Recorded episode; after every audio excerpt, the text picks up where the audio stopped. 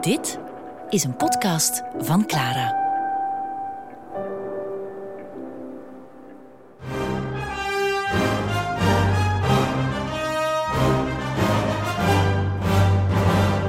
Muziek voor Stalin met Michel Krielaars.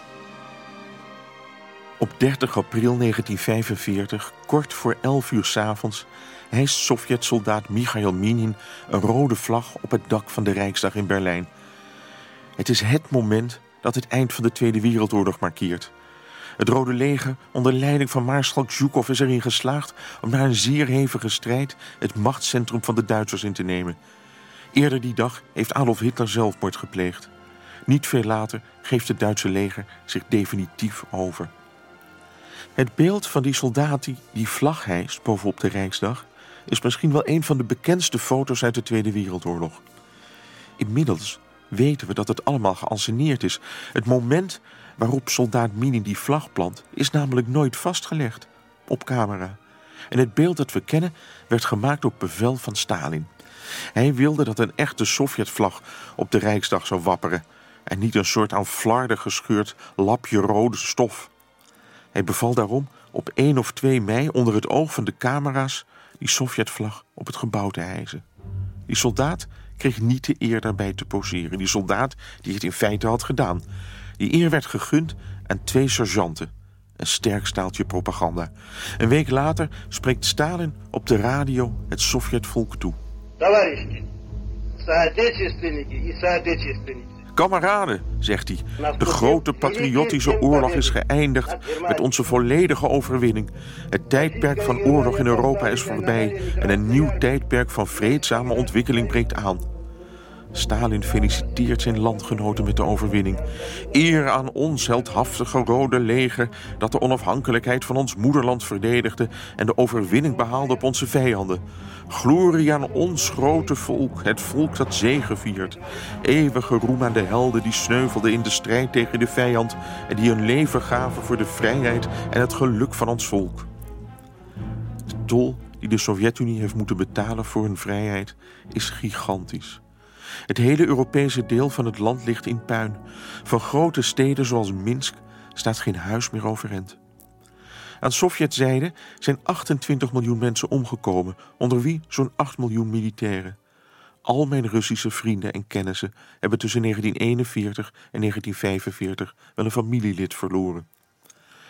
De bevolking snakt nu naar betere tijden. Er hangt een gevoel van vrijheid in de lucht. Niet in het minst bij al die miljoenen Sovjet-militairen die in Midden-Europa hebben ervaren hoe aangenaam het leven zonder communisme kan zijn. De bevolking beseft dat Stalin de overwinning op de vijand ook aan hen heeft te danken. En in ruil daarvoor verlangen ze nu een einde aan de gulag, de collectivisatie van de landbouw en de arrestaties. Stalin zelf denkt er anders over. Want voor de machtspositie van een tiran is vrijheid de grootst mogelijke bedreiging. En wat doet hij? Hij haalt opnieuw de teugel stevig aan. Zijn propagandamachine begint weer op volle toeren te draaien. Met als doel de Sovjetbevolking in te prenten dat de kapitalistische buitenwereld, de Verenigde Staten voorop, een poel des verderfs is. En dat die wereld niets anders beoogt dan de ondergang van de communistische heilstaat. En wat is dan die propaganda? Ja, het draait er in feite allemaal om om te laten zien dat Stalin het land de overwinning heeft bezorgd. Dat alles te danken is aan Stalin. Stalin die eigenlijk die hele oorlog in een bunker in het Kremlin heeft doorgebracht. Die nooit buiten Moskou kwam. Die de soldaten opofferde, vaak zonder wapens. Dat kon hem niet schelen. En die propaganda draait nu allemaal om zijn persoonlijkheidscultus. En dat zie je heel goed in een film die gemaakt is over die Tweede Wereldoorlog en natuurlijk over die rol van Stalin, de val van Berlijn. Wat bijzonder is aan die film is de soundtrack, want die werd gecomponeerd door niemand minder dan Dmitri Shostakovich.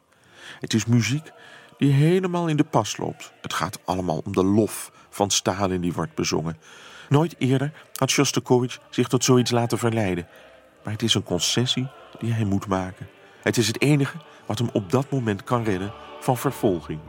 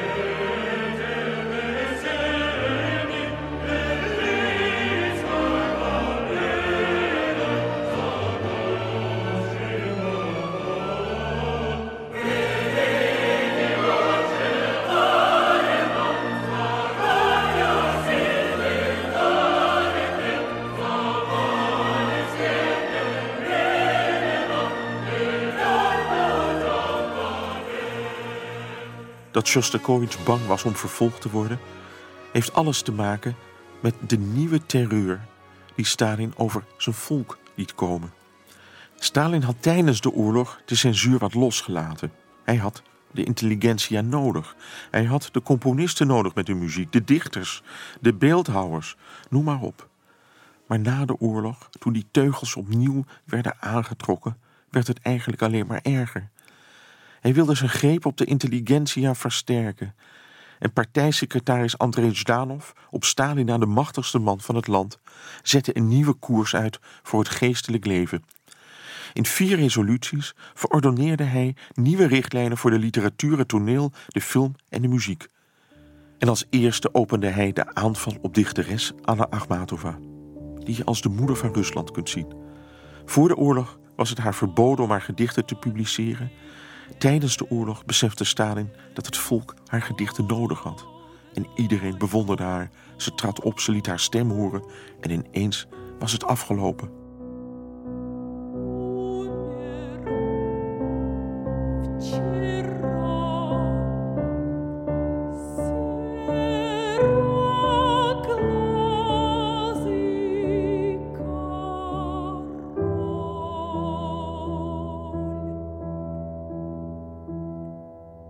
Ook werden nu twee literaire tijdschriften verboden in Leningrad, omdat ze een antipatriotische misdaad hadden begaan door het werk van Akhmatova te publiceren. Wie zich over die stap zorgen maakt, is Prokofjev. Hij heeft immers voor de revolutie van 1917 gedichten van Akhmatova op muziek gezet. En het gaat toch al niet zo goed met hem. Steeds meer sukkelt hij met zijn gezondheid. Op doktersadvies moet hij zelfs permanent buiten de stad gaan wonen. Hij trekt zich terug op zijn dacha. En daar lijkt hij even op te bloeien, maar het is schone schijn. Want hij is ongezond. Hij voelt dat zijn leven ja, naar zijn einde toe hobbelt. En dat moet voor iemand als hij, die altijd gewerkt heeft, iets verschrikkelijks zijn geweest. Hij begint in een opwelling aan zijn autobiografie. En dan hebben zijn arts hem ook nog eens verboden om langer dan één uur per dag te werken. Ja, tot op zekere hoogte kan hij gevolg geven aan het doktersadvies. Maar ja, het lukt hem natuurlijk niet echt. En in die tijd schrijft hij toch enkele geniale composities, zoals zijn eerste vioolsonate. Dat is misschien wel zijn somberste werk. Je hoort er zijn toenmalige gemoedstoestand in terug. En als hij dat stuk af heeft, vraagt hij David Oistrach en pianist Lev Oborin om naar die dacha te komen om het met hem door te nemen.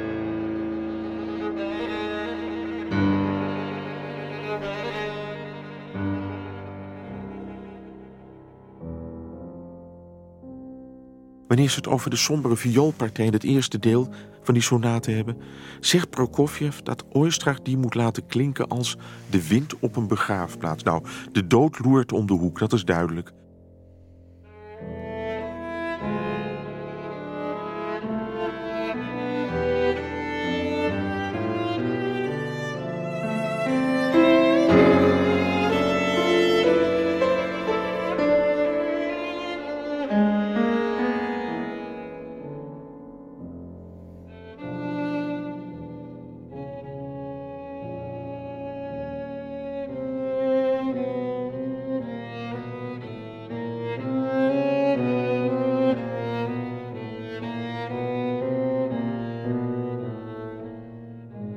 Vioolsonate van Prokofjev is eigenlijk een uitzondering. Want in die eerste jaren na de oorlog worden er vooral esoterische symfonieën uitgevoerd. Van kamermuziek is helemaal geen sprake meer. Het vocale genre is helemaal verdwenen. En het merkwaardige is, met dat esoterische werk kon je natuurlijk niet de dertigste verjaardag van de Oktoberrevolutie in 1947 vieren. Daar had je echte krachtige muziek nodig. Muziek die de macht van de partij, de macht van Stalin liet klinken, de macht van de revolutie. En daartoe leent zich natuurlijk een opera. Een opera hadden ze nodig. En dan moet er een componist worden gekozen die dat gaat doen.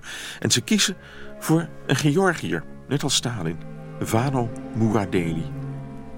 En die wordt uitverkoren om die ode aan de Sovjet-Unie te componeren. De grote vriendschap heet het werk.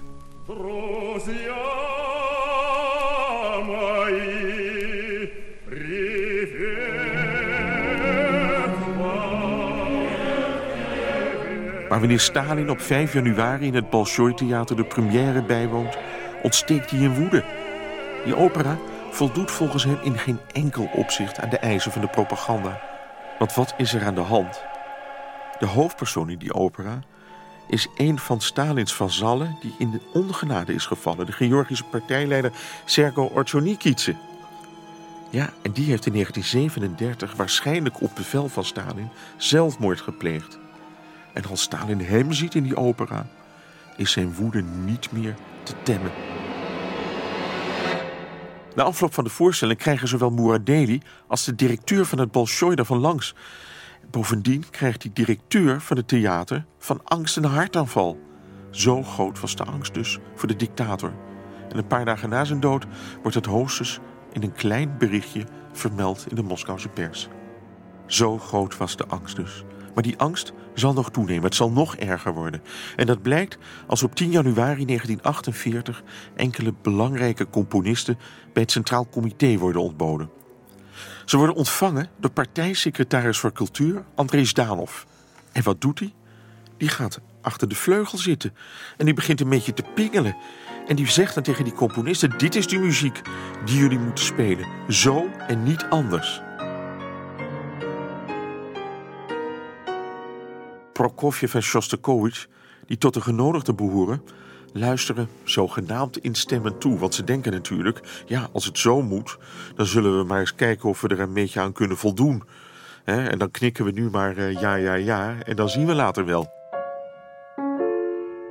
Dat het Zdanov menens is met zijn gepingel, blijkt een paar dagen later. Want dan wordt er een besloten zitting van het Centraal Comité georganiseerd. Een informele vergadering waar een aantal componisten bij moet zijn. Die vergadering wordt verspreid over een aantal dagen. En wat blijkt, het gaat alleen maar over die opera van Muradeli. Nou, Prokofjev die voelt al aan dat er iets ellendigs staat te gebeuren. En hij overweegt om zich ziek te melden. Maar dan komt er een partijfunctionaris bij hem aankloppen op de tweede dag van de vergadering. En die zegt dat hij toch echt moet komen. En dan gaat hij. En dan ziet hij hoe Muradeli ter verantwoording wordt geroepen voor het zogenaamde formalisme in zijn opera. En dan citeert Zdanov ineens uit het artikel waarin hij in 1936 die opera Lady Macbeth van Shostakovich ervan langs gaf. Chaos in plaats van muziek, zo luidde de kop toen. En dan ontsteekt Prokofjev in woede. Hij krijgt een soort flash van energie. Want hij heeft in diezelfde tien jaar drie opera's geschreven die allemaal verboden zijn. Prokofjev, nog altijd overtuigd van zijn genie, stapt op Zdanov af en zegt tegen hem: Welk recht heeft u om zo tegen me te spreken? Ja, hoe die Zdanov heeft gereageerd is niet bekend. Verontwaardigd keerde Shostakovich Zdanov op een gegeven moment zelfs de rug toe, terwijl hij het woord voerde. Je moet maar durven in die dagen. Zdanov, de plaatsvervanger van Stalin op aarde, beledigen, ter verantwoording roepen.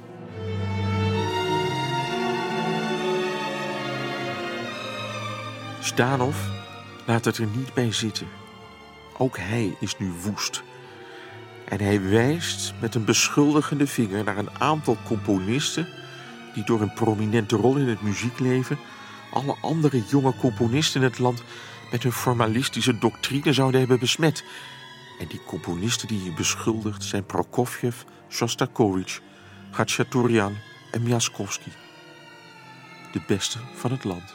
Ze komen op een zwarte lijst te staan. Ze worden ervan beschuldigd met hun formalistische muziek antidemocratische neigingen te vertonen. En die zijn natuurlijk volgens die doctrine vreemd aan het Sovjetvolk en zijn artistieke smaak. Ze zouden om de vorm componeren en niet omwille van het communistische ideaal. Ze zijn decadent en daarom moeten ze veroordeeld worden. De formalistische tendens brengt een valse, vulgaire en vaak zuiver pathologische muziek in de plaats van de natuurlijke, mooie, menselijke muziek. En terwijl Zdanov die woorden spreekt, buigt een lid van het politbureau, dat twee stoelen verderop zit, zich naar Prokofjev over en zegt tegen hem: Luister, dit gaat over u. En Prokofjev antwoordt, hooghartig, zoals hij is: Wie bent u? Mijn naam doet er niet toe, maar weet dat als ik u iets zeg, u maar beter op kunt letten. En dan reageert Prokofjev: Ik luister nooit naar opmerkingen van mensen die niet aan me zijn voorgesteld. waarop hij achterover leunt. Niet onder de indruk. En sterker nog, even later valt hij zelfs in slaap. En als een van de organisatoren hem dan tot de orde roept en zegt: Kameraad Prokofjev, u verstoort de vergadering. Als de voorstellen van kameraad Zdanov u niet bevallen, verhindert niemand u om te vertrekken. En dan staat Prokofjev op en loopt de zaal uit.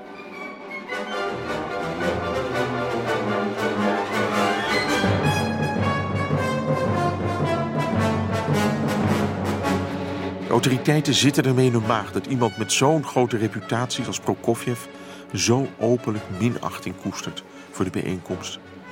Om zijn vertrek uit de vergadering te verdoezelen, wordt net gedaan alsof hij niet aanwezig is geweest. En zijn naam wordt uit de notulen geschrapt. De aanval op het formalisme is hiermee geopend. Maar hoe zullen de autoriteiten het gaan aanpakken? Dat weet nog niemand. En dat blijkt als eind januari een aantal componisten ontboden wordt bij het Centraal Comité. Het is al elf uur s'avonds. Een laat tijdstip, maar voor Stalin niet ongewoon, want die werkt tot diep in de nacht. En de rest van de Kremlin-bureaucraten moet hem daarin volgen. Onder die componisten is ook Khachaturian. En dat is niet zomaar een componist, dat is een heel beroemd iemand. En bovendien de secretaris-generaal van de Componistenbond. Die organisatie die eind jaren 30 in het leven is geroepen om de belangen van de componisten te behartigen en om ze te dicteren wat ze moeten componeren. Een machtig man dus. En zelfs die heeft geen idee van wat er gaande is. Hij wordt als eerste bij Zdanov geroepen. En in het kantoor krijgt hij te horen dat hij bedankt wordt voor zijn bewezen diensten. Maar ook dat er al een opvolger voor hem klaar staat. En die opvolger is een jonge componist. 34 jaar is hij. En zijn naam luidt Grenikov. Tigon Grenikov. Hij is ook ontboden op het Kremlin en staat een eentje verderop op de gang te wachten tot hij aan de beurt is. En wat is er nou zo bijzonder aan? Stalin heeft die Grenikov uitgekozen op grond van een foto. En zei: Die man die heeft een goede Russische kop. Het is tenminste geen Jood, geen Oekraïner, geen Georgiër. Een echte Rus. Maar hij kon ook best aardig componeren. Wanneer Gatchaturjan naar buiten komt, stapt hij op Grenikov af en feliciteert hem. Waarmee? vraagt deze verbaasd. Dat hoor je zo, antwoordt Gatchaturjan. Grenikov is overdonderd wanneer hij het nieuws van zijn benoeming te horen krijgt. Dat hij voortaan de man is die de Componistenbond moet gaan leiden. Die moet gaan zeggen wat zijn collega-componisten moeten componeren. Die moet bepalen wie hoeveel geld krijgt, wie waar gaat wonen, wie alle privileges krijgt die een groot componist toekomen.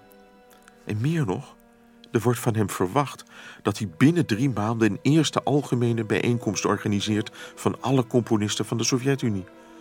Daarnaast wordt hij ook nog eens benoemd tot voorzitter van de muzieksectie van de Stalinprijs.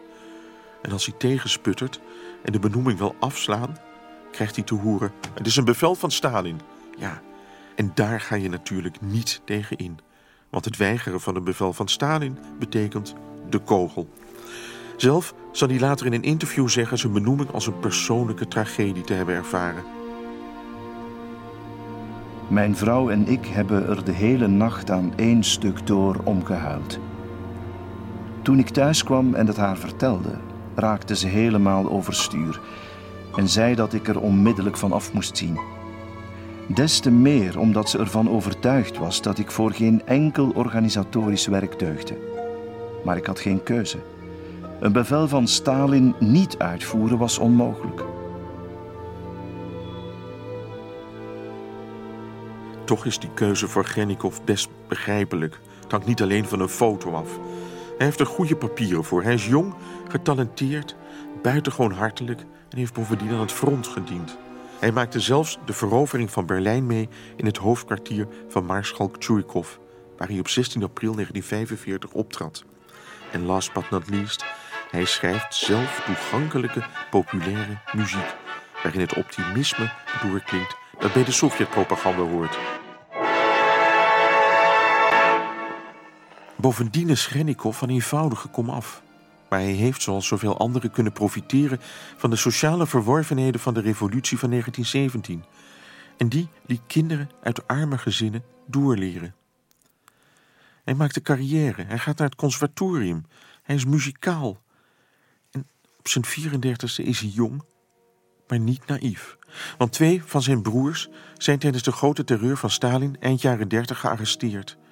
Eén is er vrijgelaten, maar de ander is omgekomen. En dan is ook zijn moeder nog bezweken toen ze aan het begin van de Tweede Wereldoorlog vanuit haar stadje Jelets naar de Oeral werd geëvacueerd. Opvallend is dat Grennikov tijdens de terreur en de oorlogsjaren steun krijgt van Shostakovich, die hij regelmatig in Leningrad bezoekt. Beide componisten spelen dan als de beste vrienden vierhandig op de piano. Nochtans heeft Shostakovich geen hoge pet op van de muziek van Grennikov. En als het erop aankomt, neemt hij dan ook geen blad voor de mond. Als Grennikovs opera In de Storm in première gaat in 1939, schrijft Shostakovich hem het volgende. U bent getalenteerd, maar u moet nog veel naar Mozart, Bach, Beethoven, Mussorgsky, Brahms, Liszt, Chopin en Tchaikovsky luisteren om slechte muziek van goede muziek te kunnen onderscheiden.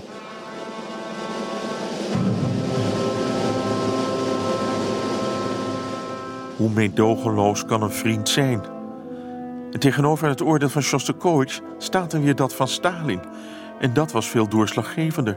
Nadat Stalin een voorstelling van die opera heeft bezocht en er zijn zegen aan heeft gegeven, volgen alle critici en theaterdirecteuren. Eind 1930, begin 1940 wordt In de Storm in 18 van de 20 operatheaters van de Sovjet-Unie opgevoerd.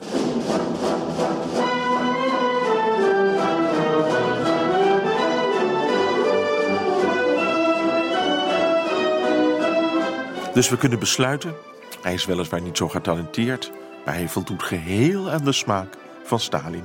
En daar gaat het om. Hij wordt dus secretaris-generaal van de Componistenbond. Op Grennikovs eerste werkdag komt die afgezette Gatchaturjan bij hem langs. En die wil wat taken overdragen en hem uitleggen hoe het er op dat kantoor aan toe gaat. Maar veel valt er eigenlijk niks te doen. En dan is Grennikov ja, heel nederig ten opzichte van Gatchaturjan. Dat hij bewondert zijn voorganger. Hij weet dat die een betere componist is dan hij. En hij smeert hem de complimenten om de mond. Hij zegt: Ik beschouw je als een kolossaal componist en zal je in het vervolg alleen maar helpen. En dan zie je meteen wie Genikov is, want hij is een man van twee gezichten. Want privé zegt hij het een en in het openbaar het ander. Zo geeft hij Gatchatorian in het openbaar van langs. Hij zegt dat die man totaal ongeschikt is om die componistenbond te leiden. Omdat hij nooit overleg voerde met het Centraal Comité. Dat hij nooit sprak met andere belangrijke mensen in de muziekwereld. Nog dubieuzer is de redenvoering die hij op de eerste zitting van de nieuwe Componistenbond houdt. Want daar zet hij zich met volle kracht in tegen het formalisme. En hoe kan hij ook anders? Deze resolutie is een beslissende slag voor de antidemocratische beweging die zich in de Sovjetmuziek heeft verspreid.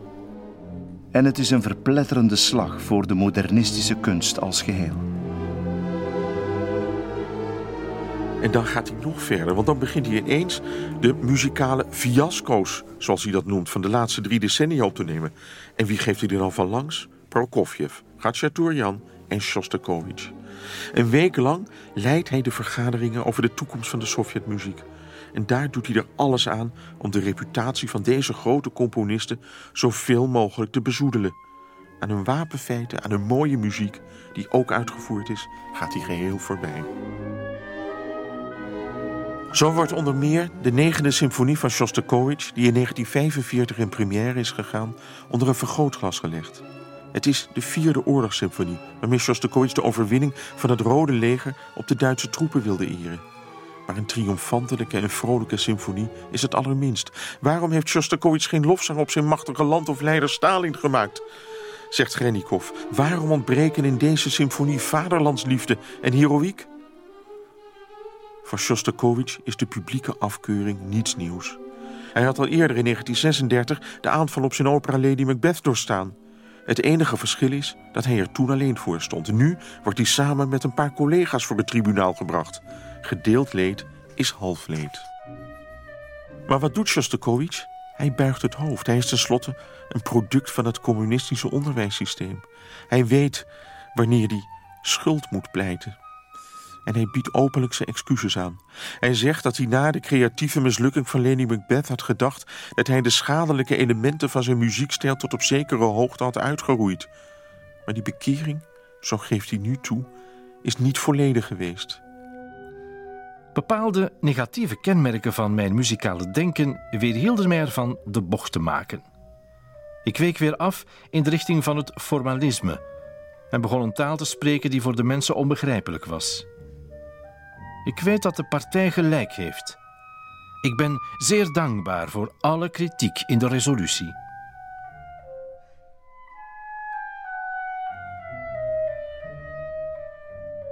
Wat denk je als je dat hoort? Want wat Shostakovich echt heeft gedacht, blijkt aan de compositie waaraan hij meteen na zijn terugkeer van die componistenbondvergadering begint. Het is een satire, een eenakter, die hij de antiformalistische toverlantaarn noemt. Rajok in het Russisch, rare kiek. Het was niet toevallig het enige werk dat hij schreef op eigen teksten. Handeling is de bijeenkomst van muziekbobo's over realisme en formalisme in de muziek. Met in de hoofdrollen Stalin, Zdanov en Grenikov. Apotheose is de moeder aller volksliedjes, Kalinka.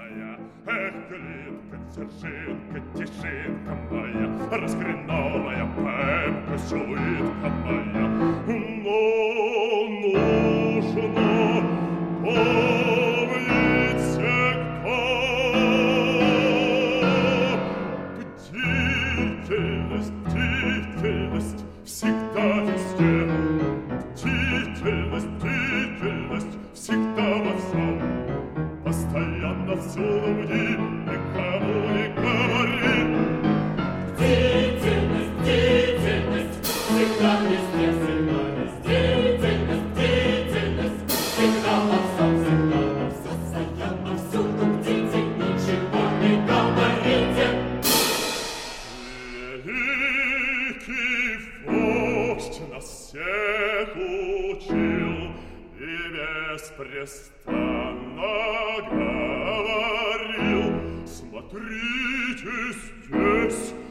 смотрите там, пусть будет страшно всем врагам. Смотри туда, смотри сюда, и вы, Корчевы,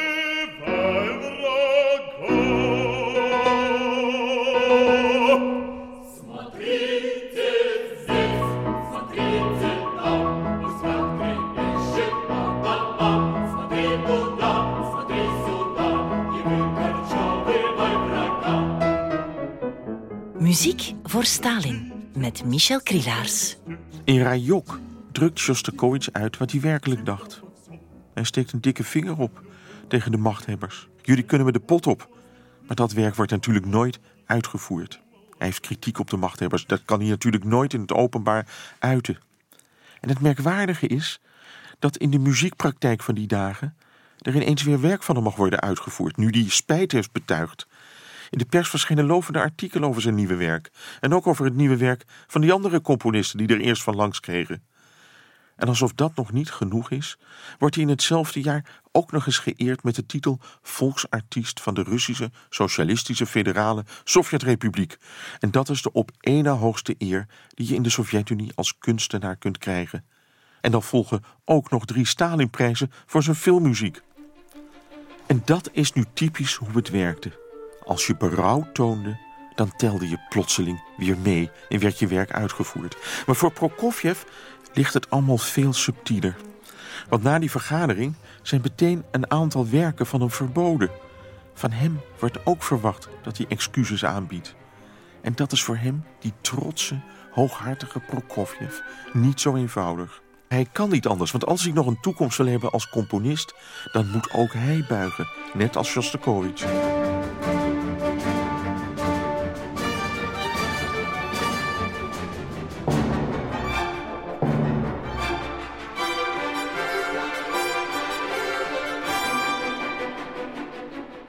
En wat doet Prokofjev? Om weer in genade te worden aangenomen, stuurt hij een brief naar Grenikov. Een apologetische brief, waarin hij spijt betuigt. En hij zegt ook dat zijn woorden, indien Grenikov dat wil, kunnen worden voorgelezen op de vergadering. Net als Shostakovich verwijst hij in die brief naar de Lady Macbeth-affaire van 1936 en hoe die zaak hem toen tot nadenken had gestemd. Toen de formalistische fouten in Shostakovich's Lady Macbeth aan het licht werden gebracht, heb ik veel nagedacht over de creatieve elementen in mijn eigen muziek.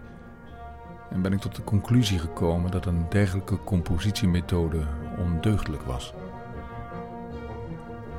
In verschillende van mijn latere werken ben ik op zoek gegaan naar een duidelijker en betekenisvoller taalgebruik. Ik heb geprobeerd mij te bevrijden van de elementen van het formalisme. En ben daar maar tot op zekere hoogte in geslaagd.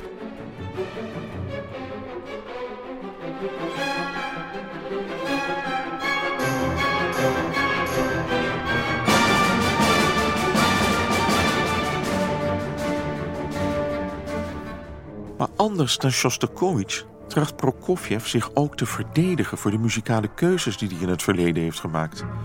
Hij geeft weliswaar toe dat hij in sommige composities atonale elementen heeft gebruikt, maar dat hij dat alleen maar heeft gedaan om de tonale, melodische passages des te duidelijker te profileren. Maar nu beseft hij wel dat dit voor een Sovjet-componist hoogst verwerpelijk gedrag is. In de toekomst, zo belooft hij in die brief plechtig, zal hij kiezen voor een helder, verstaanbaar muzikaal idioom, geïnspireerd op de onvergankelijke melodieën van de Russische volksliederen. En hij voegt er nog aan toe. Ik dank onze partij voor de duidelijke richtlijnen. Ze hebben mij geholpen op mijn zoektocht naar een muzikale taal die het volk begrijpt en die ons grote volk en ons prachtige land waardig is. Nou, dat is een totale ommezwaai op het eerste gezicht. En dat is natuurlijk tot genoegen van de Sovjet-autoriteiten, want die doen er een voordeel mee en publiceren die brief. Westerse commentatoren zien die woorden van Prokofjev als capitulatie voor het regime. En ze kunnen niet geloven dat hij die woorden heeft geschreven. Ze menen eerder dat die brief gedicteerd is en dat Prokofjev er alleen maar zijn handtekening onder heeft gezet.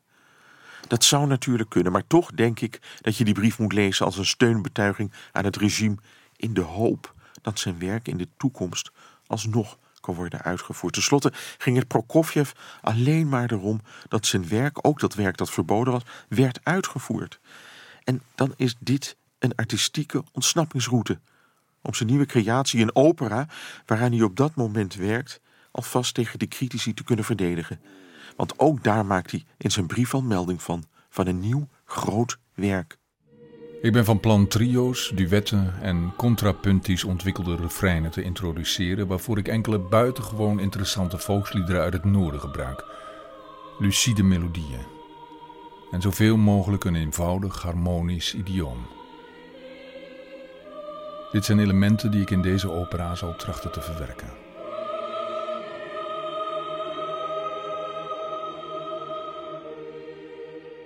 Die opera heeft als titel Het verhaal van een echt mens. En hij is ervan overtuigd dat het werk qua libretto en muziek helemaal voldoet aan de Sovjet-ideologie, aan de nieuwe eisen.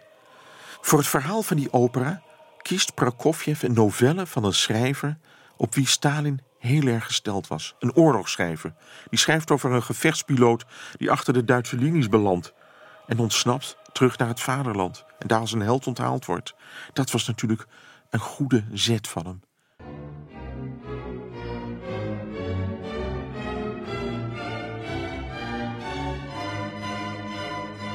Maar al snel blijkt dat ook deze poging om de autoriteiten gunstig te stemmen te vergeefs is. Het verhaal van een echt mens krijgt geen groen licht. Een genadeslag. Hij wist echt niet meer waar hij aan toe was. Wat kon hij nu componeren en wat niet. En hij begon zo langzamerhand ook te ontdekken dat die verboden op zijn muziek helemaal niet zoveel te maken had met ideologische redenen, maar eerder met de grillen van de beleidsmakers, met facties binnen de bureaucratie, met ruzies tussen de muziekautoriteiten onderling. En natuurlijk was iedereen bang voor Stalin. Hij begint nu ook te beseffen dat zijn westerse verleden wel eens aangerekend kan worden. Hij is natuurlijk heel vaak in Europa en in Amerika geweest, op al die tournees. En daarom begint hij zijn buitenlandse boeken, zijn Engelse romans die hij had, zijn brieven van geëmigreerde vrienden uit Amerika uit zijn dacha te verwijderen. Want als het tot een huiszoeking mocht komen, dan mag er niets aangetroffen worden dat hem in moeilijkheden kan brengen. En zijn huwelijk met de buitenlandse Lina maakt dat verleden er niet beter op. Ook al is hij inmiddels van haar gescheiden, want hij woont al zeven jaar samen met Mira. Wat hij evenwel niet had kunnen voorzien, is dat Lina gearresteerd zou worden, omdat ze westers was. Haar arrestatie was dan ook een indirecte aanval op hem, op Prokofjev die zich de rest van zijn leven verantwoordelijk zou voelen voor deze tragedie. Want ze waren gescheiden, maar ze was toch de moeder van zijn kinderen. En hij had ergens ook wel het gevoel dat hij haar mee had genomen naar Rusland in de jaren dertig. Die arrestatie gebeurt op 20 februari 1948, vier dagen nadat Prokofjev zijn brief vol spijtbetuigingen aan de Componistenbond heeft gestuurd. Lina ligt die avond in bed met een verkoudheid. En ze krijgt een telefoontje van een vriend die vraagt of ze even naar beneden wil komen om op straat een pakje in ontvangst te nemen. Ze kleedt zich gauw aan en snelt naar beneden. Bij de poort van het appartementengebouw wordt ze in een wachtende auto geduwd en overgebracht naar de Lubjanka, de gevangenis van Stalins geheime politie.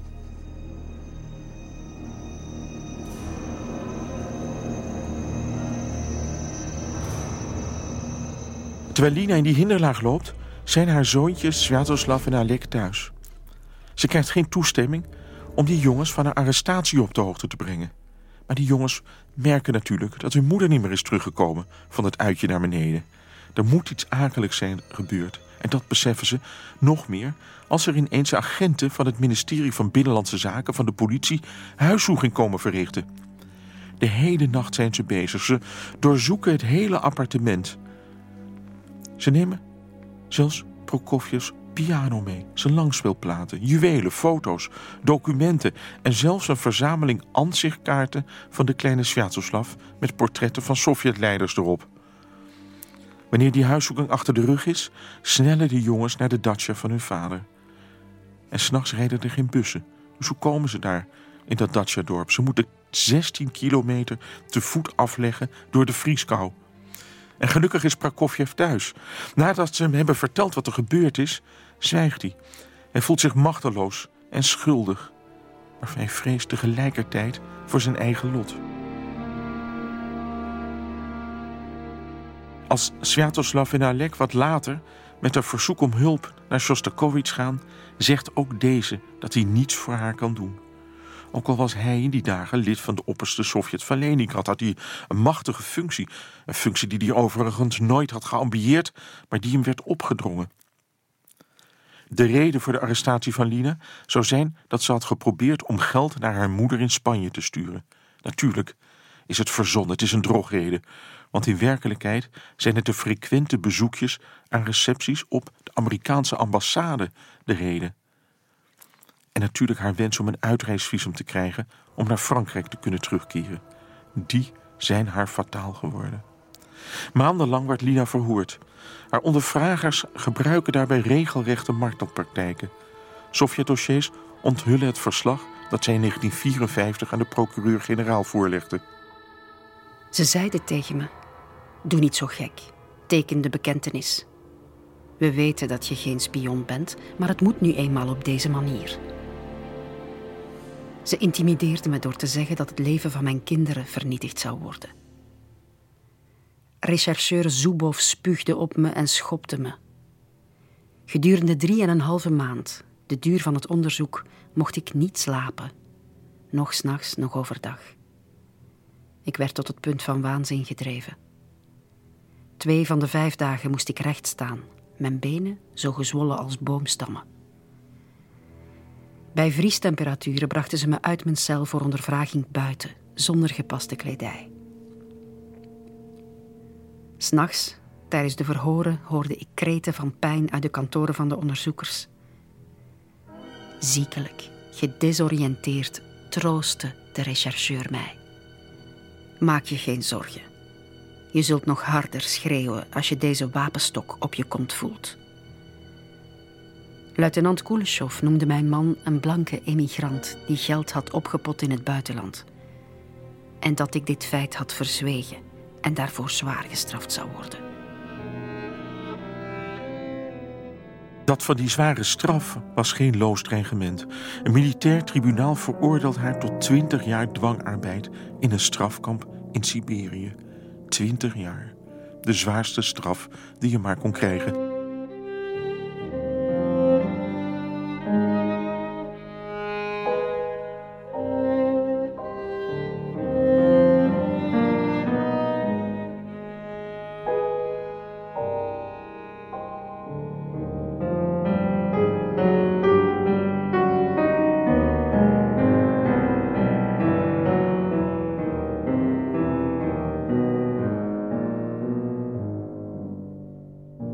In 1956, drie jaar na de dood van zowel Stalin als Prokofjev, komt Nina vrij. Ze had er toen acht jaar van haar straf op zitten. In 1974 zal ze naar Groot-Brittannië emigreren, waar ze de nalatenschap van haar ex-man beheert. Mira is zes jaar eerder aan een hartaanval overleden. Niemand nam het voor Lina op.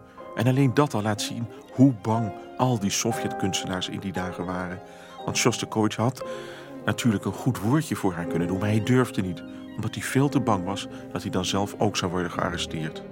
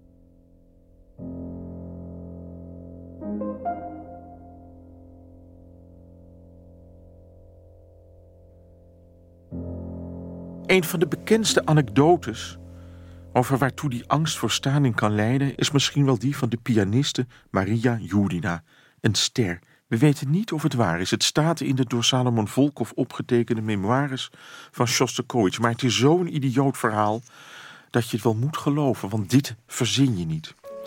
In 1947 speelt Judina voor de radio Mozarts pianoconcert nummer 23 onder leiding van dirigent Alexander Gauck. Meteen na afloop van die uitzending belt Stalin naar de leiding van het radiocomité, de nationale omroep. En dan vraagt hij of er een plaatopname is van het pianoconcert. En hij wil die opname hebben. En het personeel in die radiostudio is zo bang dat ze tegen Stalin zeggen: Natuurlijk, kameraad Stalin, die plaat is er. We sturen hem naar u toe. Maar in werkelijkheid bestond die plaat niet. Het concert was rechtstreeks vanuit de radiostudio uitgezonden. Stalin wil dat die plaat nog diezelfde nacht bij hem op zijn dacha wordt bezorgd.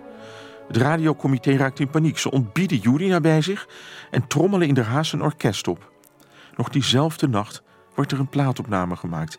En die orkestmuzici waren alle doodsbang. Alleen Jurina bleef kalm. Als er zo nodig een plaatopname voor de dictator moest worden gemaakt, dan deed ze dat. Op een bepaald ogenblik moet Jurina tijdens die opname de dirigent naar huis sturen. Omdat hij zo bang is dat hij nergens meer toe in staat is. Hij kan die dirigeerstok niet laten swingen. En dan moet een andere dirigent komen. Maar ook die staat te bibberen en brengt er niets van terecht.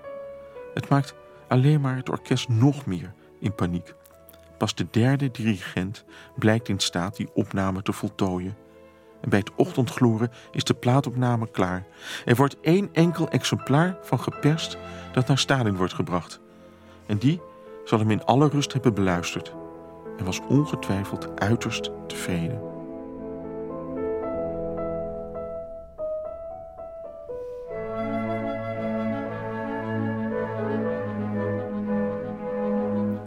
Kort daarna zou Judina een envelop met het enorme bedrag van 20.000 roebel van de dictator hebben ontvangen.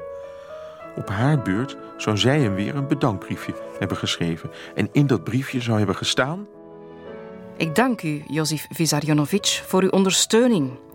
Ik zal dag en nacht voor u bidden en God vragen u te vergeven voor uw zonde tegenover het volk en het land. God is genadig. Hij zal u vergiffenis schenken.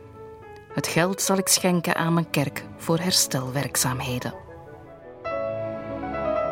Dat ze gaat bidden voor de zonde van de dictator, die onfeilbaar is en natuurlijk geen zonde kan begaan, is natuurlijk in de ogen van de autoriteiten niet minder dan een verzoek om de doodstraf.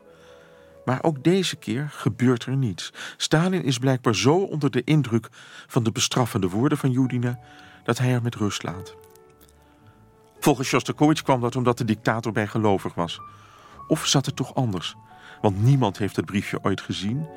En tegelijkertijd is er in die platencollectie van Stalin ook geen opname van Judina met het 23e pianoconcert aangetroffen. Dus je zou heel goed kunnen zeggen dat het de mythe is. Maar ik blijf er altijd bij. En er zijn ook Russische muzici die het met me eens zijn dat dit zo absurd is dat het alleen maar waar kan zijn. Want je kunt dit niet verzinnen.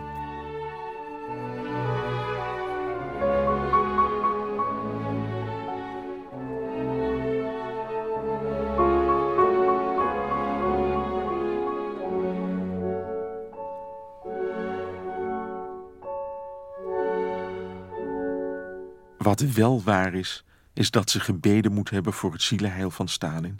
Want dat is vast geen mythe. De dichter Jozef Brodsky heeft Judina ooit een bijbelse pianist genoemd.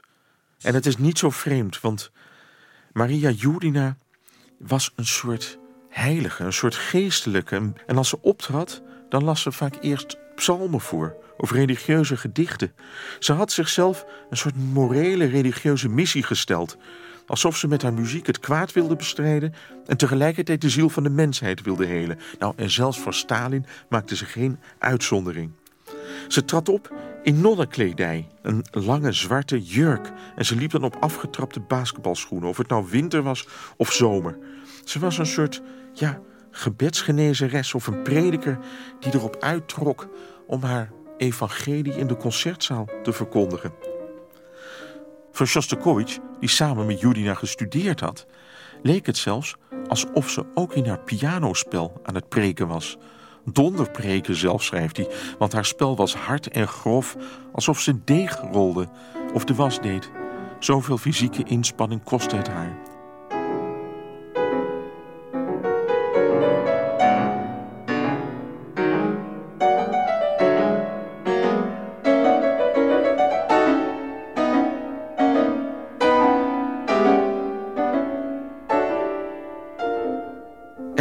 Bewonderaars vonden dat juist weer bijzonder. Ze zagen er iets metafysisch in en dachten: dit is het hogere. Met deze muziek tilt ze ons naar God.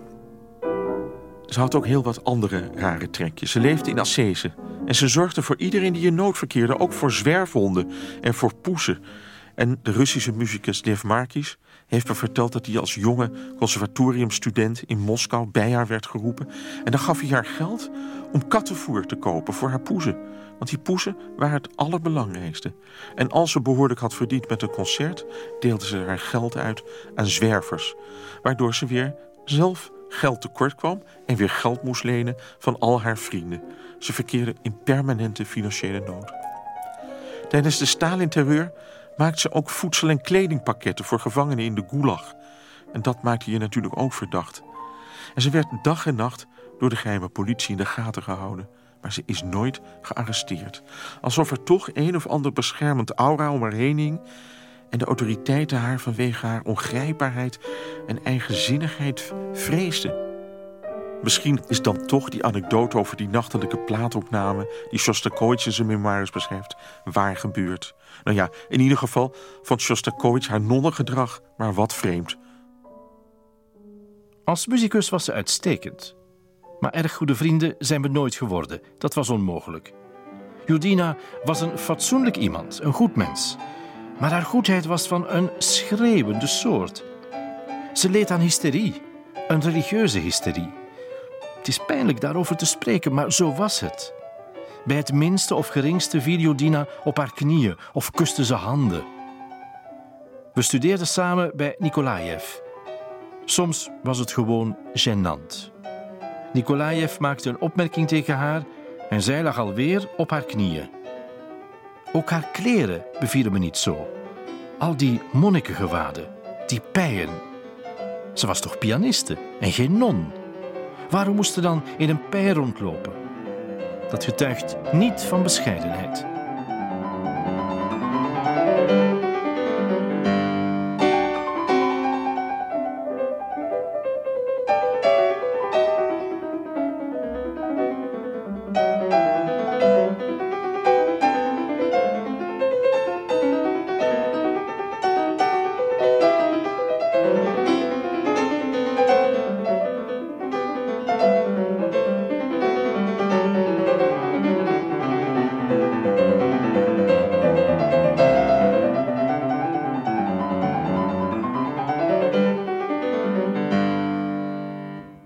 Dat was na een zware aanslag, maar ze maakt wel echt muziek. Muziek die je optilt, muziek van Bach. Op 8 december 1948 komt er in het Kremlin een brief binnen van ene Anna Begicheva. De eerste zin van die brief luidt: Kameraad Stalin, in onze kunsten zijn vijanden aan het werk. Wie deze vrouw was, weet niemand. Maar het ligt voor de hand dat ze niet heeft bestaan en dat de brief door Stalin en zijn vazallen verzonnen is om een nieuwe terreurgolf te ontketenen. Duizenden Sovjetburgers worden nu gearresteerd. Onder die duizenden zaten ook 35 muzici. Muzici die als docent werkten aan de conservatoria van Moskou en Leningrad. En ook hier viel op dat de helft uit Joden bestond. Op het eerste gezicht is dat niet zo vreemd, omdat Joden sowieso oververtegenwoordigd zijn in het muziekleven van de Sovjet-Unie. Maar het loopt wel degelijk uit op een grote antisemitische campagne die alles te maken heeft met het bestaan van het zogenoemde Joods Antifascistisch Comité. En wat is dat voor een organisatie, dat Joods Antifascistisch Comité? Welnu, het is een organisatie die in 1942 met instemming van Stalin is opgericht voor het werven van ja, steun in het buitenland tegen de nazi's, voor het voeren van propaganda en natuurlijk voor het inzamelen van geld ten behoeve van de Sovjet-oorlogsvoering. En vertegenwoordigers van dat comité gingen naar Amerika en gingen bij rijke Joodse organisaties langs om te bedelen, om te zeggen: jullie moeten ons helpen, anders gaat Rusland eraan. En in Rusland wonen miljoenen Joden die dan het slachtoffer van de nazi's zullen worden. Tijdens de oorlog had het Joods Antifascistisch Comité zijn nut dus duidelijk bewezen. Maar nu, nu Stalin weer tekeer ging tegen het kapitalistische Westen, tegen Amerika, tegen Groot-Brittannië. Nu was het ineens verkeerd om met het comité geassocieerd te worden. Het Joods Antifascistisch Comité valt nu onder verdenking. Het zou geopperd hebben om van de Krim een Joodse autonome republiek binnen de Sovjet-Unie te maken. En dat in hetzelfde jaar waarin de staat Israël is opgericht. Joden worden nu tot cosmopolieten en zionisten bestempeld. En daarmee geeft Stalin het startsein voor een nauwelijks verhulde antisemitische campagne. Maar het moet gezegd worden dat er onder die duizenden gearresteerde Joodse intellectuelen maar heel weinig componisten zaten. En dat is dan weer te danken aan Grenenkov die jonge baas die net is benoemd tot secretaris-generaal van die Componistenbond. Hij wordt weliswaar meerdere keren op het matje geroepen in het Kremlin en krijgt dan het bevel om de strijd tegen de invloedrijke Joden en cosmopolieten te beginnen. Maar het lukt hem ontegenzeggelijk om zijn leden te beschermen. Een mogelijke reden waarom hij zijn eigen componisten zou beschermen, is zijn vrouw Clara Wax, een beroemde muziekjournaliste. En die is Joods. Dagelijks krijgt hij dreigbrieven in zijn brievenbus. En met tekeningen erbij waarop hij zelf aan de gal hangt of op de elektrische stoel zit. En dan wordt hij ervan beschuldigd een, ja, een soort marionet van Joden en Zionisten te zijn. En dat hij alleen maar wordt beschermd door de Componistenbond. En later zal dan blijken dat die brieven geschreven zijn door goede vrienden van hem. Door collega's die hij thuis op etentjes heeft ontvangen. En die nu menen dat ze hem kunnen uitschakelen. Zoals tijdens de grote terreur heel vaak was gebeurd. Je werd verraden door je beste vrienden. Zo was het onder Stalin. Het gevolg van die dreigementen is wel dat zijn gezondheid eronder begint te lijden. Hij krijgt last van slapeloosheid en apathie. Het is een zenuwcrisis waarin hij verzinkt. Wanneer de klachten aanhouden, wordt hij opgenomen in een Kremlin-sanatorium. En daar staat hij onder toezicht van de geheime politie. Zijn vrouw Clara wordt slechts één keer in de week tot het sanatorium toegelaten. Maar toch slaagt ze erin om hem te redden als hij hallucinaties krijgt. Als gevolg van die slapeloosheid. En dan is zij het die hem ontvoert en terug naar huis brengt. Om zelf voor hem te zorgen.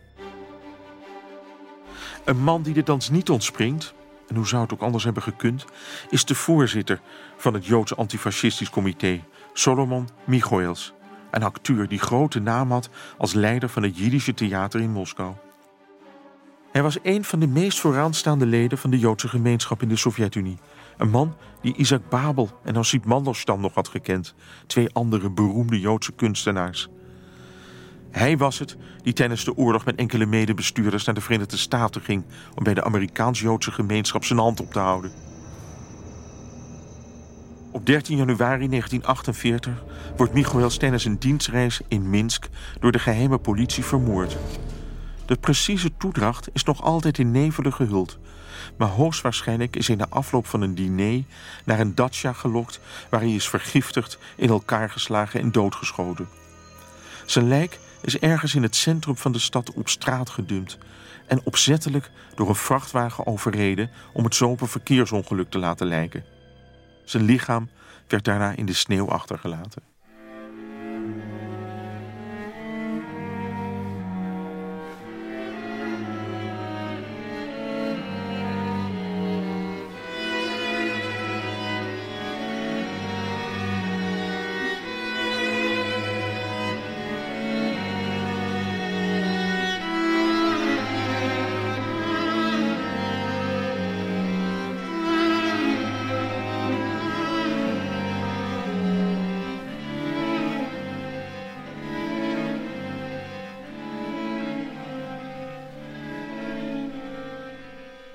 Het nieuws van die gruwelijke dood van Michoels komt bij de Joodse gemeenschap in Moskou hard aan. En nog het meest bij zijn dochter, Natalia. Natalia en haar echtgenoot. En wie is die echtgenoot? De Joodse componist Moisei Weinberg. We hadden het al in een vorige aflevering over hem. U herinnert zich misschien het verhaal van zijn vlucht uit Polen in 1939. En hoe hij daarna in Minsk belandde, waar hij de kans kreeg om verder te studeren aan het conservatorium.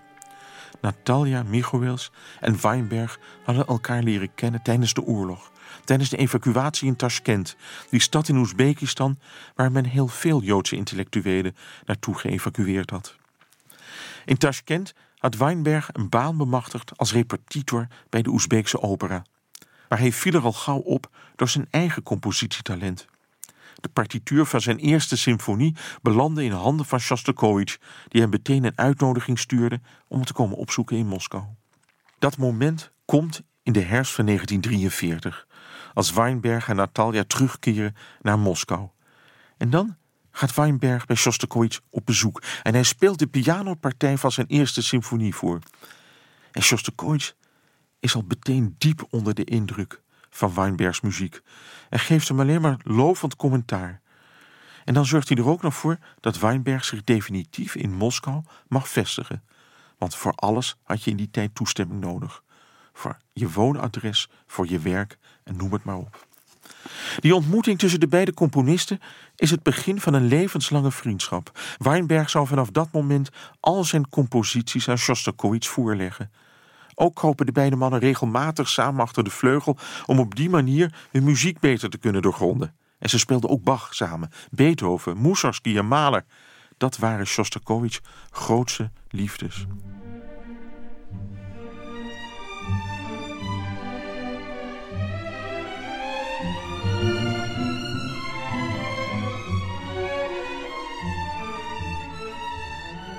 Wat Weinberg in 1943 niet weet, is dat zijn familie in datzelfde jaar zou omkomen in een Duits concentratiekamp. Die familie die hij heeft achtergelaten in Polen toen hij zelf op de vlucht sloeg in 1939. Hij komt het pas veel later te weten, maar het zal hem vanaf dat moment altijd blijven achtervolgen.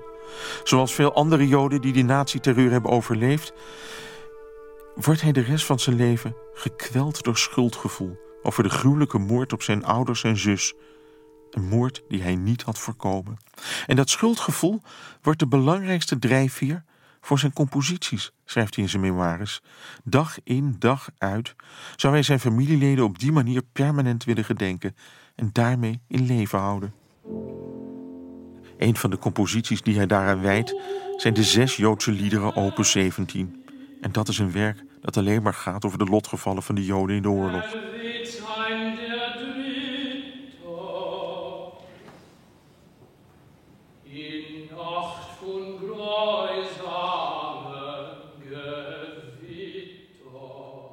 Maar dan komt ineens het nieuws over de moord op zijn schoonvader, Solomon Michaels. Het hakt erin bij Weinberg.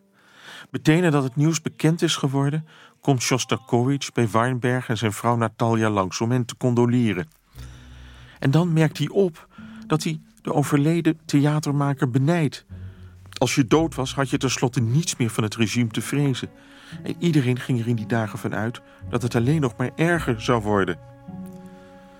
Na afloop van de begrafenis wordt Natalia door een vriendin, die familie is van politbureaulid Lazar Kaganovic, apart genomen. Die Kaganovic is een Jood, de enige Jood in het politbureau. En die drukt via die vriendin Natalia op het hart dat ze niet naar de doodsoorzaak van haar vader moet vragen, omdat dit haar alleen maar nog meer in de problemen kan brengen. Het was een duidelijke waarschuwing. Dat die waarschuwing van die vriendin terecht was, bleek kort daarna, toen een aantal prominente Joodse artsen werd gearresteerd. Een van hen was de patholoog die verantwoordelijk was voor de conservering van het lijk van Lenin. En hij had ook het stoffelijk overschot van Michaels gezien.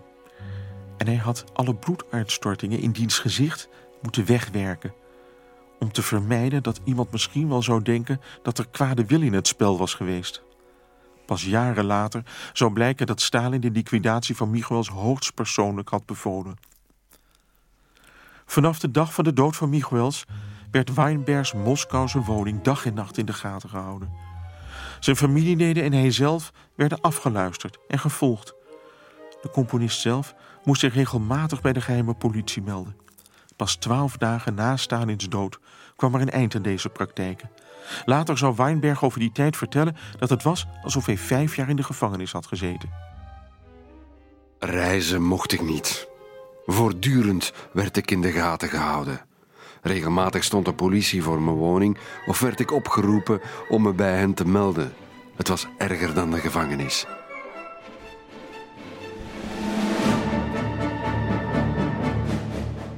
Ieder woord dat hij thuis sprak kon hem tenslotte in gevaar brengen. Hij uitte zijn emoties daarentegen wel in zijn muziek.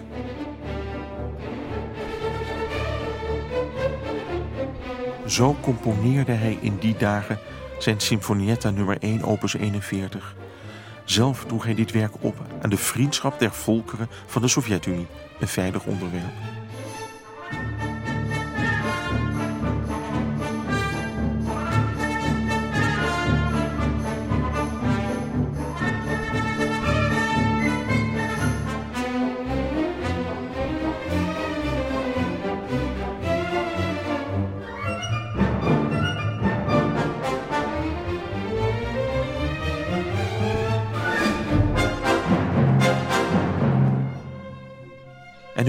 Weinbergs muziek ook duchtig gekritiseerd werd tijdens het beruchte componistencongres, niet voor niets werd hij de kleine Shostakovich genoemd, was Grennikov erg in zijn nopjes met deze nieuwe compositie.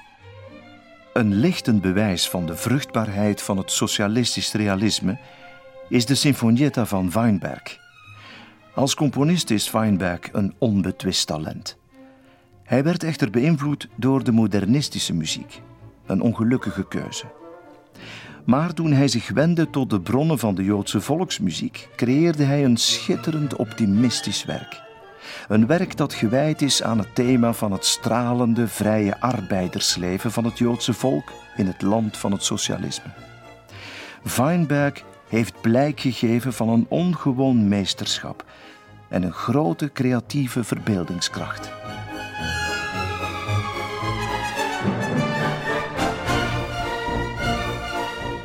Wat Grennikov niet wist, is dat Weinberg bovenaan de partituur een citaat van zijn vermoorde schoonvader had geschreven over de gelijkberechtiging van de Joden.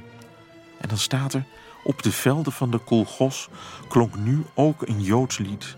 Geen lied uit het verleden vol droefenis en ellende, maar een nieuw, vrolijk lied over de arbeid en het nuttig bezig zijn. Protest tegen de moord op zijn schoonvader? Wie zal het zeggen?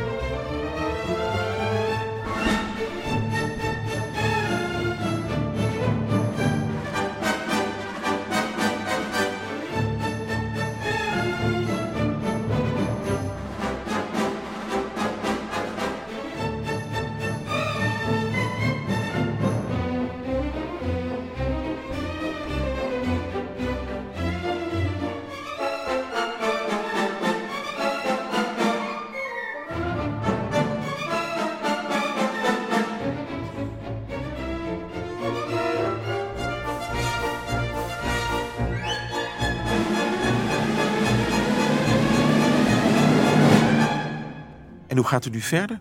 Stalin lijkt de smaak te pakken te krijgen, want in de zomer van 1952 voert hij de campagne verder op door dertien Joodse intellectuelen, onder wie vijf schrijvers, in het hoofdkwartier van de geheime politie de Lubjanka te laten executeren. En kort daarop wordt ook nog een samenswering onthuld. Een zogenaamde samenswering natuurlijk, van Joodse artsen die de Kremlinleiders om het leven zouden willen brengen. En dat is een echte beroemde rechtszaak in de geschiedenis geworden. Ik wist er niet alles van, maar hoe meer je erover leest, hoe onwaarschijnlijker het allemaal klinkt. In de nacht van 10 op 11 november 1952 worden de 15 belangrijkste Joodse artsen van de Sovjet-Unie, die in een appartementengebouw in de buurt van de chique boulevard Arbat wonen, gearresteerd en naar de Lubjanka gebracht. Ze worden ervan beschuldigd leidende figuren in de regering en de legerleiding te hebben willen vermoorden. Ze worden beschuldigd van een moordcomplot, een moordcomplot op leden van de regering en de legerleiding. Het was het begin van een nachtmerrie, die enkele van die artsen niet zouden overleven. Als leider van het complot wordt professor Miron Wofsi aangemerkt, de chefarts van het Rode Leger en bovendien een neef van Michoels.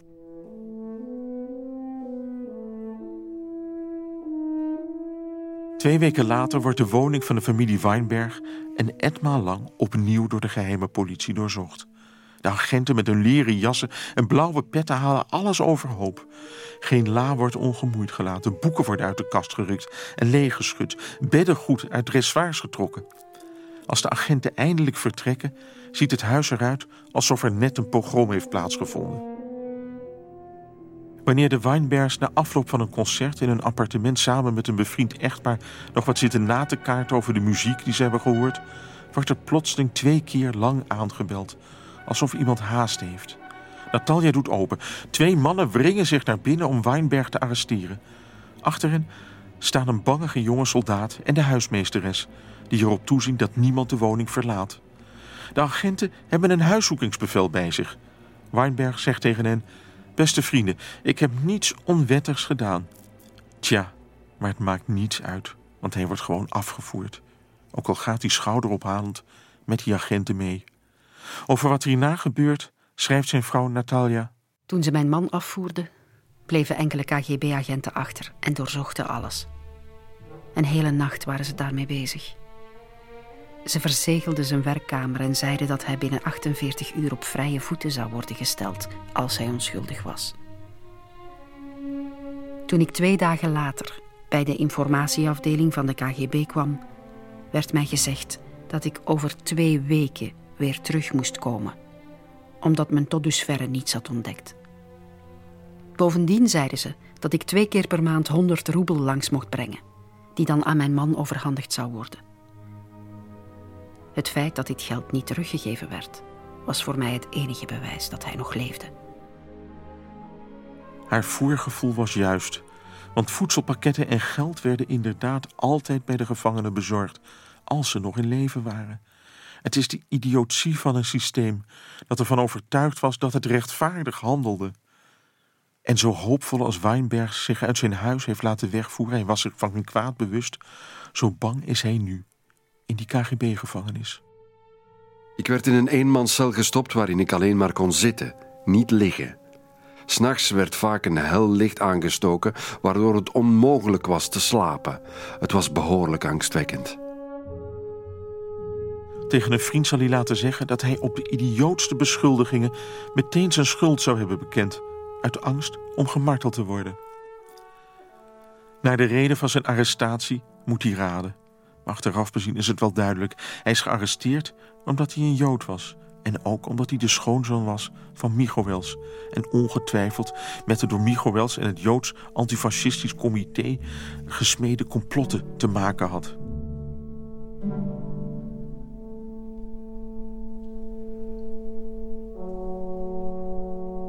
Opnieuw schiet Shostakovich zijn vriend te hulp. Een week na Weinbergs arrestatie schrijft hij een brief aan Lavrenti Beria, het door iedereen gevreesde hoofd van de geheime politie. Hierin omschrijft hij Weinberg als een zeer begaafde, veelbelovende jonge componist die zich alleen maar met muziek bezighoudt en met niets anders. Shostakovich belooft voor de rechtschapenheid van Weinberg garant te staan en schrijft dat deze rugproblemen heeft, wat inderdaad zo is. En het moet gezegd, ook Grenikov spant zich in. De baas van de Componistenbond bezorgt de KGB gunstige getuigschriften over Weinberg. Weinberg op zijn beurt in zijn cel wordt op de hoogte gebracht van de inspanningen die voor hem gedaan worden in de buitenwereld. Maar hij reageert erop met veel argwaan. Ergens rond 19 februari zei de ondervrager ineens iets raadselachtigs tegen me. Uw kleine vrienden zetten zich voor u in.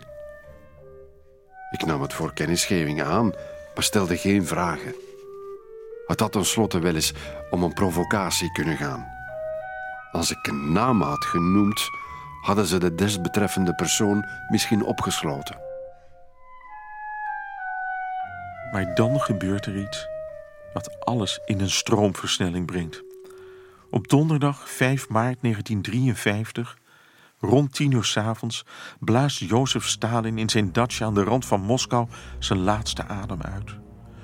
De zondag voor zijn dood was de dictator na afloop van een nachtelijk diner met enkele kameraden uit het politbureau getroffen door een hersenbloeding.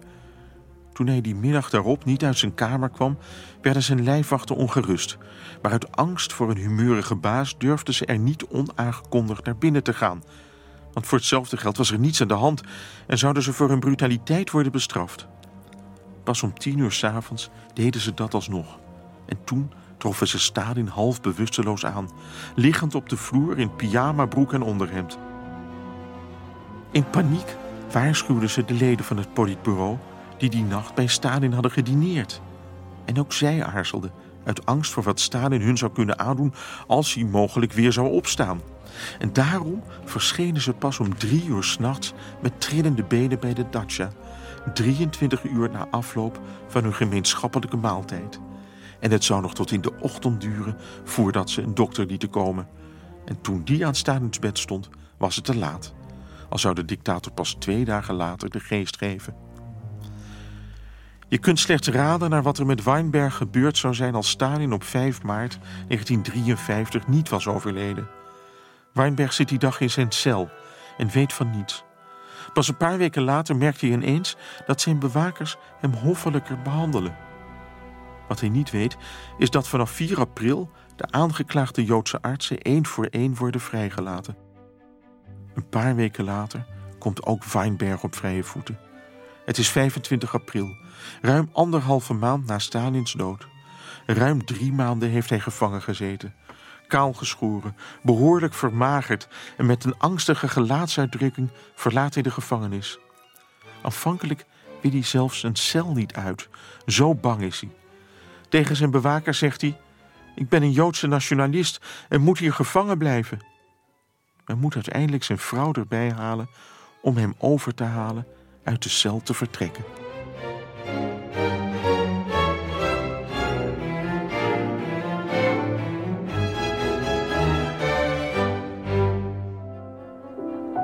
Ontdek ook onze andere podcasts via clara.be. Clara Podcast. Blijf verwonderd.